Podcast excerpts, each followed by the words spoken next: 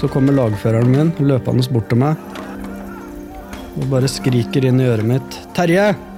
Jeg har skutt og drept to personer. Ja, det er mottatt, sier jeg. Våre historier, en podkastserie fra Forsvaret.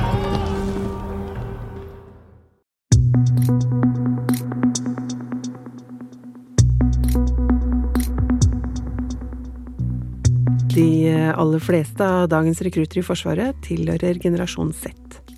Noen påstår at denne generasjonen mangler respekt for autoriteter, de svarer motvillig på ordre, og de stiller urimelig høye krav til egne prestasjoner.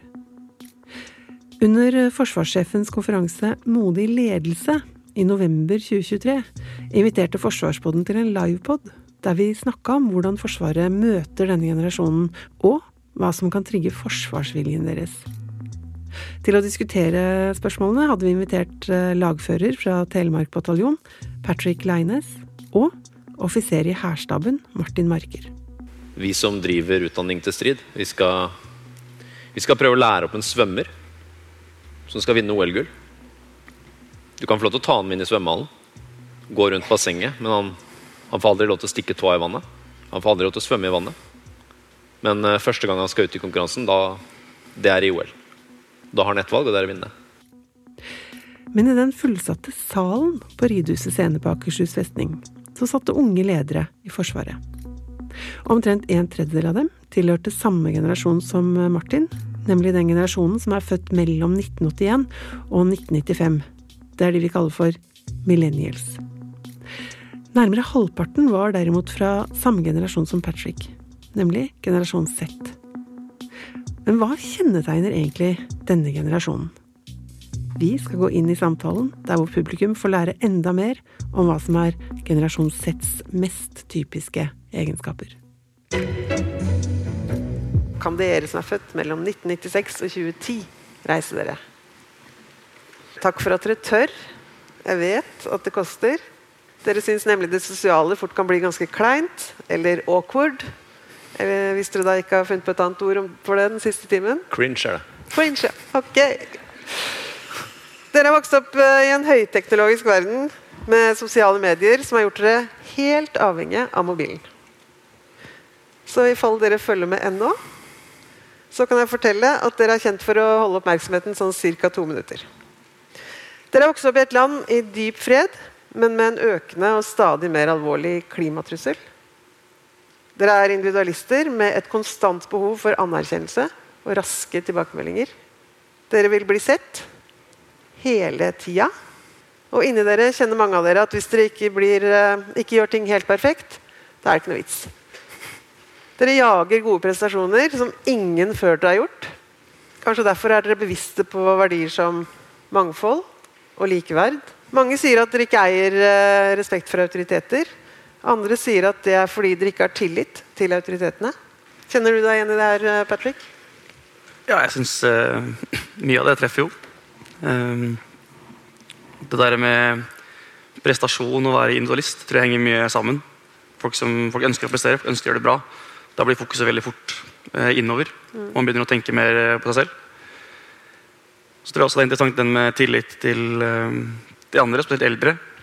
Det er jo, Informasjon får man jo overalt nå. Det kan man få fra hvor som helst. og man får ekstremt mye. Og da blir spørsmålet hvorfor skal jeg høre på akkurat deg? og da um, går nok det mye på tillit. At jeg må vite at den personen er en person som er verdt å høre på. For at jeg skal gidde å bruke de to sekundene, ikke to minuttene, av min oppmerksomhet eh, på den personen. Har du googla det, eller? Ja, jeg har hørt det før. Ja. Vi skal snakke mer om det her. Eh, den første liksom, overskriften jeg har eh, for oss, da, det er jo utfordringer ledere kan ha når de skal lede generasjon Z. Og du har jo opplevd, du har opplevd å bli leda som generasjon Z. Hva tenker du er liksom utfordringen i det? Jeg tror eh, mye handler om det å skape tillit, eh, som vi er inne på. Eh, en annen sånn veldig konkret utfordring er dette med tilbakemeldingskultur. Eh, folk er ikke vant til å få en direkte tilbakemelding som er på 'dette er ikke godt nok' og som går rett på sak. Ikke person. Er en veldig viktig skilleland mellom person og sak. Eh, men hvor noen sier at eh, det du gjør nå, det er ræva. Du må gjøre det sånn isteden. Fiks det. Og Så kan den personen ta det i skriveboka si og skrive ned, og så kan vi ta en pils etterpå. Det er en ting som man må lære, og som ikke er eh, tillært når de kommer til Forsvaret. Da. Hvordan var det for deg første gang du fikk en sånn direkte tilbakemelding? Det var dritt. Det er, det er jo uvant. Det er vondt. Eh, men så kommer en til meg og sier at eh, du slapp av. Kritikk er omsorg. Jeg er her for at du skal ha større sannsynlighet for å overleve når vi skal gjøre det her skarpt. Jeg er ikke her for å hakke ned på deg som person. Så alt det jeg gjør, da, det er kritikk er omsorg. Omsorg. Hm. Er du enig, Martin? Ja, jeg, jeg er veldig enig. Um, det jeg tenker på når jeg hører på Patrick, er jo det med altså, Det er jo hardt arbeid. Det å få til det her. Det å, å, å klare å uh, skape mening for uh, spesielt dere som er litt Når dere kommer inn, da, så er man litt sånn pigga ute, individualist. Det matcher ekstremt dårlig med min kanskje store svakhet, da, som en engasjert fyr som blir veldig gira og kan bli megadirekte. Det er jo, for å si det sånn, ganske mismatch eh, med eh, de som tar seg litt nær. Da blir jeg nysgjerrig. Hvor direkte kan du være? Ja, det sitter folk i salen som vet det. Jeg kan bli ganske direkte. Hva er det verste du har sagt? Jeg kan eh, gå inn i argumentasjon egentlig eh, 180 grader av hva jeg egentlig mener, for å sette fyr på en diskusjon. For å kunne få fram de synspunktene som kanskje ikke er helt eh, korser å prate om. Eh, vi, vi, vi utdanner til strid.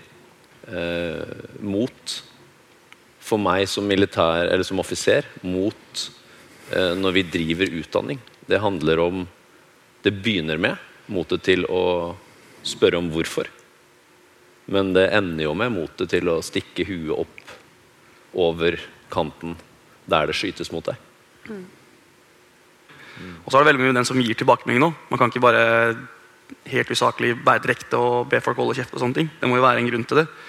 Og så må det være en forventningsavklaring på forhånd. Og vite at okay, når jeg er direkte, så er det ikke på person. Og folk som skal jobbe i Forsvaret, må skjønne at okay, det må jeg lære meg. At når jeg får en direkte tilbakemelding, så er det det det betyr. da. Tenk på de her lederne som da gir deg den tilbakemeldingen.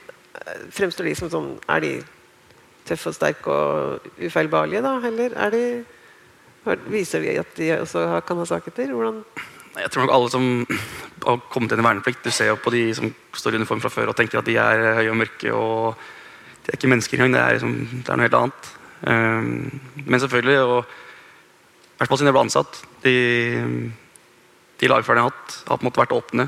De har snakka om det de er gode på, det de er dårlige på. Um, det har på en måte gitt Det gir mye mer, da. Um, og det viser at de har, de har feil, de òg. Men da vet jeg hva feilen deres er. da. Og da gjenskaper det tillit. Har du noen erfaring med det? Med å vise at du også som leder kan være, ha svake sider? Det har jeg. eh, Og de gangene man, eh, man tør å være litt åpen, eh, og tør å, å, å åpne rommet for, for den gjensidigheten som du kan få da, eh, når, når lederen også viser at eh, man er ikke noe annet enn et menneske. Eh, Det, det, det skaper eh, Det skaper rett og slett eh, en karakter føler jeg da, for, militære ledere. Som, som ja, de er eh, faglig dyktige. Man, man vet hva man skal gjøre. Man har kontroll på greiene sine. Men man er rett og slett menneske. Eh, og det er, det er en viktig del å, å tørre å tørre å være svak. Tørre å snakke om de vanskelige tinga. Fordi uh, uten spoiler alert, da, altså krig er ganske vanskelig. kan gå til den spoiler-alerten med en gang. Vi, uh, vi lever jo i en svært alvorlig tid. Vi har gått fra fase null, som er dyp fred, til fase én, som er fare. Og der fase to er full krig. Uh, mange av de som skal forsvare oss, er soldater fra generasjon Z. Og da er jo det et sentralt spørsmål hvordan man kan skape forsvarsvilje i Gen Z. Hvordan kan man skape det, Martin? Realistisk trening. Hard trening. Kaotisk trening. For å klare å, å forberede seg på, på noe som man aldri kan få, få prøvd. Eh, En metafor jeg liker, er eh, vi som driver utdanning til strid. Vi skal, vi skal prøve å lære opp en svømmer. som skal vinne OL-gull. Du kan få lov til å ta ham inn i svømmehallen, gå rundt bassenget, men han, han får aldri lov til å stikke tåa i vannet. Han får aldri lov til å svømme i vannet. Men uh, første gang han skal ut i konkurransen, da, det er i OL. Da har han ett valg, og det er å vinne. Så, så det, det, det stiller jo krav. Eh, og det stiller enorme krav til å klare å forklare, skape mening, skape forståelse. Og kanskje det vanskeligste tørre å feile. Fordi hvis vi ikke tør å feile alle de gangene som vi har mulighet på trening, da kommer vi til å løpe rundt et hushjørne og så vi bli skutt. Som det første vi gjør. Den dagen det blir krig. Hvordan er det å lære opp noen til å skulle ut i en krig hvor de risikerer livet sitt og risikerer å ta noen andres liv? Så det er jo som du sier, det er jo på en måte umulig å gjøre det 100 Eh, Man kan på en måte trene så, så mye man vil, men man vet jo aldri hvordan man kommer til å håndtere det der og da. Eh, krig er kaotisk, som du sier. Eh, man kan ikke trene på at alle regler blir fulgt. Eh, når vi går på tap på trening, så må vi bare fortsette. Vi kan ikke si nei, vent da, prøv igjen. Vi skal ha alle gjennom her, fordi det er en del av øvelsen. Eh, vi er nødt til å ha det fokuset, og så må vi som enkeltmenn ta det seriøst. Ikke ta lett på at når den sabben eller hvem det er som sier at du er drept, så er det på en måte en gang kom hjem til familien din. Og den sjansen har du bare én gang. når det skjer skarpt.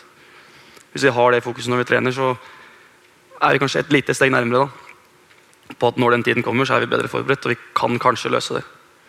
Er det noe du tenker på utenom trening òg? Altså, ellers, liksom? Før du sovner på kvelden, liksom? Er det Altså, det er jo det opptar jo mye tid, altså sånn Forsvaret generelt. Og selvfølgelig er det sånne ting man tenker på. Men det er jo en egenskap, det òg, å legge det fra seg. Men så er det viktig å ikke glemme det heller. Jeg må vite at når jeg går fra jobb på fredag, så er, så er sekken min pakka. Uniformen henger der den skal. Vogna er klar. eh, For meg som er på um, CV90. Og laget mitt er like klart. da. Og jeg har gjort mot jobben min. Da kan jeg ta helg, og så kan jeg koble av. For da vet jeg at hvis jeg får den meldingen om at du må møte på arena, så har jeg alt klart. Hva med deg, Martin? Altså, det å lære opp noen til å, til å drepe? Eller lære å overleve. Ja. som jeg tenker på det. Det, er, altså, det er jo altså, god læringskultur, hvor man tør å prøve så hardt. Man tør å øve så hardt at man feiler fordi man hopper uti med begge beina først. Lærer av feilen. Finner ut hva var det som skjedde, hvorfor gjorde vi det, hvordan kan vi gjøre det annerledes neste gang. Og så implementerer vi det, og så unngår vi å gjøre samme feil to ganger. Og da overlever du. Samtidig som du selvfølgelig må lære at det du, jobben din er å utøve vold på statens vegne. Da. Men er det noe dere snakker om så konkret og eksplisitt? liksom? Døden og vold og Ja, altså Det er jo en del av på en måte, alt som er profesjonslæring. Ja, det handler jo om det. Eh, da jeg begynte med en, så var det på en måte noe av det første jeg hadde med sjefshatten der, var jo profesjon. Hva, hva innebærer det? Uh, og så er det ikke sånn at vi sitter i hver kaffekrok og prater om å drepe folk. Uh, det er jo ikke det. Men praten går jo jevnlig om når ting skjer. Uh, hvordan kunne det vært å Hvordan kunne vi løst det? Kunne vi løst det? Ja, så det er nok et tema som dukker opp noen steder jevnlig. Hva med dere, Martin? Vi snakker en del om det. Um, jeg har um, fått lov til å utdanne EK-operatører. Det handler om å lytte på fienden. Det handler om å bli kjent med fienden. Det handler om å fortelle intensjonen om hva han kommer til å gjøre. Hvor han kommer til å være. Det gjør at det blir ekstremt nært og personlig. Uh, og det gjør at man er nødt til å gi råd eller beslutningsstøtte til en sjef som, som må ta valg på bakgrunn av hva vi oppfatter situasjonen som. Eh, og så ender det jo ofte med da, at man, man utfører en operasjon eller det som da blir vold da, på bakgrunn av de folka man har hørt på en stund og blitt litt kjent med. Og det må du prate om på forhånd. For hvis ikke så blir det altså Da får man reaksjoner. Da får man eh, kanskje naturlige reaksjoner på en unormal hendelse. Som det man snakker om PTSD og den pakka på. da. Så vi, vi, vi ser jo viktigheten av det å være åpen, det å være, tørre å være sårbar, det å tørre å snakke om vanskelige temaer, gjør at soldatene våre blir mer robuste. Og når de kommer hjem fra operasjoner, så er den, den forberedelsen, eller de samtalene vi har hatt, det er det som trekkes fram som avgjørende for hvorfor det går bra. Da. Og at relativt få sliter. Vi skal snakke litt om lydighet og lojalitet. Det er to begreper som vi gjerne setter opp mot hverandre. Forsvarssjefen har jo skrevet i boka si Jegerånden at eh, det er stor forskjell på å være lydig og å være lojal. Hva er egentlig forskjellen, som dere ser det? Vil du begynne? Nei, Offiseren kan ta det. Utdanning. Du skal få snakke om, Ta lydighet, da, Patrick. Så skal jeg ta lojalitet. Ja, nei um, Lydighet, da gjør du på en måte Da får du beskjed, og så gjør du det. Uten å på en måte ha noe noen innvending. Du bare får beskjeden, og så sier du mottatt, og så gjør du det. Det finnes jo det finnes behov for lydighet. Og det er nok kanskje en av de sånn største eh, aha-opplevelsene som Gen Z får innimellom. Fordi innim, altså når det kommer til stykket, så må man løse oppdraget. Eh, men vi kan jo ikke begynne å møte rekruttene våre med liksom forventning om lydighet. Eh, og lojaliteten, da, som, som kanskje som er det viktigste, og som, som sjefen skriver om, og som vi, som vi hører om mye, er jo det å skape lojaliteten. For det er jo et bånd i troppen, i laget, i kompaniet. Eh, for at man vil hverandre det beste. Og da er det jo et eh, stort arbeid med å, å, drive meningsdannelse på forhånd. Hvorfor gjør vi som vi gjør? Hvorfor løser vi oppdraga som vi gjør det? Hva er den store planen? Forstå at det fins mer enn akkurat det som er foran deg og ditt lag her og nå. Fordi laget løser troppens oppdrag, som løser kompaniets oppdrag. Bataljonen er kanskje den viktigste brikka inn i en større greie. Den lojaliteten vi må ha da til hverandre, og forståelsen av hvorfor. Og det er kanskje beste, beste egenskapen med Gen Z, det er at de spør hvorfor. Og det krever at vi som ledere er nødt til å tenke. Så tror jeg jo mer du praktiserer eh, lojalitet, altså gi, som sier, gi mening, forklar også den ene gangen du trenger lydighet, så har jeg den tilliten fra før. Eh, så Hvis min sjef hele tiden når han har tid, forteller meg hvorfor, gir gode hensikter osv., men den gangen han sier bare 'nå må du gjøre det her', så tenker jeg at ok, han har sikkert en grunn til det, så da går jeg og gjør det. Eh, Der er vi det vi er inne på, da, med tillit. Men Merker dere noe til at det er noen eh, hva skal jeg si, mer sånn lydighet blant eldre i Forsvaret enn yngre, eller? Jeg, opplev, jeg opplevde jo at da jeg begynte i Forsvaret, så var det også en større forventning kanskje fra oss som da var på lavt nivå, på hva vi kom til. Hva for slags ledelse vi kom til å bli utsatt for. Um, og det var altså Det var nok en god del oppdragsbasert ledelse og, og, og gode ledere da òg. definitivt. Men jeg husker nå i hvert fall diskusjoner på, på, på kasernerommet hvor vi liksom snakka om hvorfor, hvorfor ting ble gjort så direkte, og hvorfor ikke vi sa fra, eller hvorfor ikke vi liksom spurte litt mer. Um, og så kommer jo denne gjengen her da, og begynner å ikke ha autoritetsrespekt, og det er liksom Hvorfor i alle dager gjør vi dette? Eh, og det setter jo på en måte en litt sånn støkk i, i offiseren, eller eh, ja, altså det var Senest her for et par uker siden så sto jeg i messekø på Setermoen, og så er det to soldater som, som sniker i køen. Og da sier jeg sånn Hei, køen er der. Så ser de bare på meg, og så bare Hva er det du mener? det, det, det hadde ikke tort, folk tort å gjøre for ti år siden. Nei. Men vi må forstå at på et eller annet tidspunkt så er det en som må ta avgjørelsen. Noen har gått skole for å ta avgjørelsen og går skole eller får stjerner.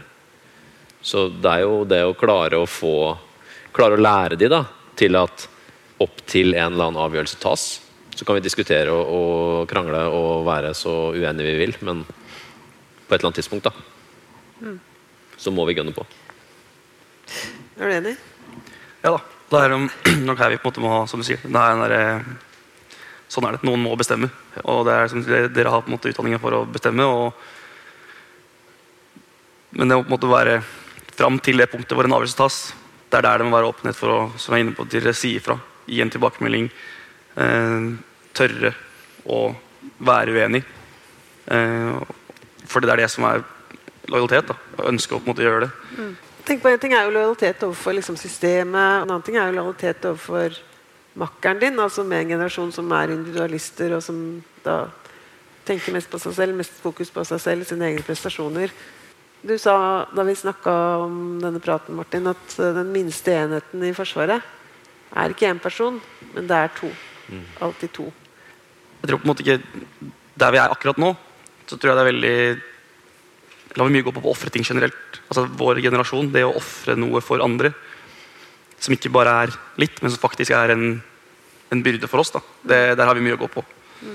Um, og så drar det over til forsvarsvilje. Så tror jeg per nå så er det ikke veldig mange som um, måtte ha det, vært villige til å ofre det ukrainerne gjør.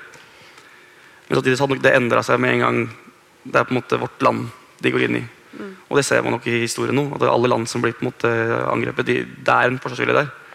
Og om ikke det er patriotisme, så er det fordi at jeg skal ikke svikte han står ved siden av meg, som er makkeren min.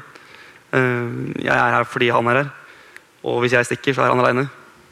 Og det er nok en sånn helt sikkert bare en menneskelig ting. Eh, Men som man da kan bruke i Forsvaret. da.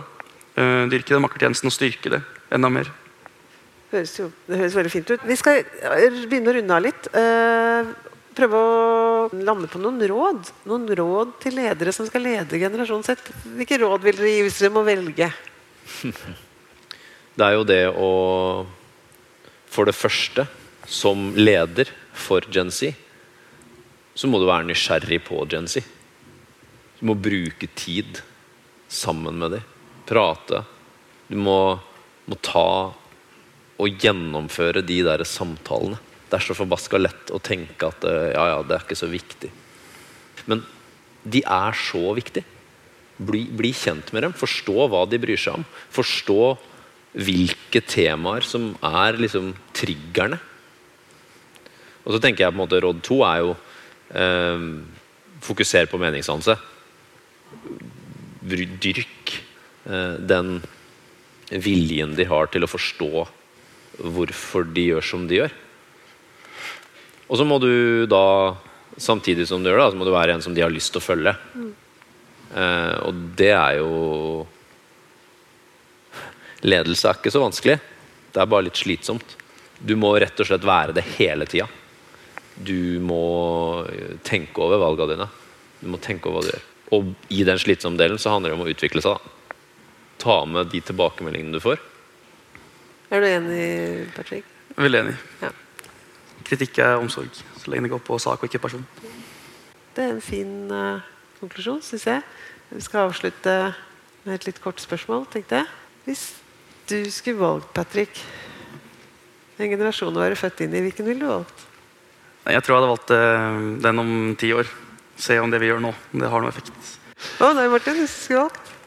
Jeg ville blitt der jeg er, og fortsatt med de lærdommene som vi gjør nå. Og for å sørge for at det Patrick ønsker seg om ti år, er bedre enn det er i dag. For det, det er rett og slett vårt ansvar. Og det hjelper ikke med fine powerpoint-slides. Det her er hardt arbeid. Skal dere spørre meg, eller? Ja, Ja. Jeg ville valgt uh, Dette har jeg tenkt på. Jeg ville valgt generasjon Z. Jeg liker de folka så innmari godt. For en fin gjeng, ass. Takk. Så tusen takk for at dere kom, og takk for at dere kom.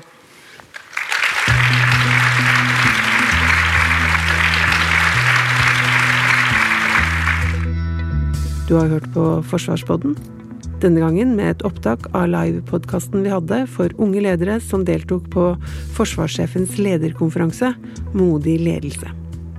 De som lager Forsvarspodden, er Jørgen Lyngvær, Lars Hallingstorp, Hege Svanes, Thomas Haraldsen og meg, Ragnhild Fjellro.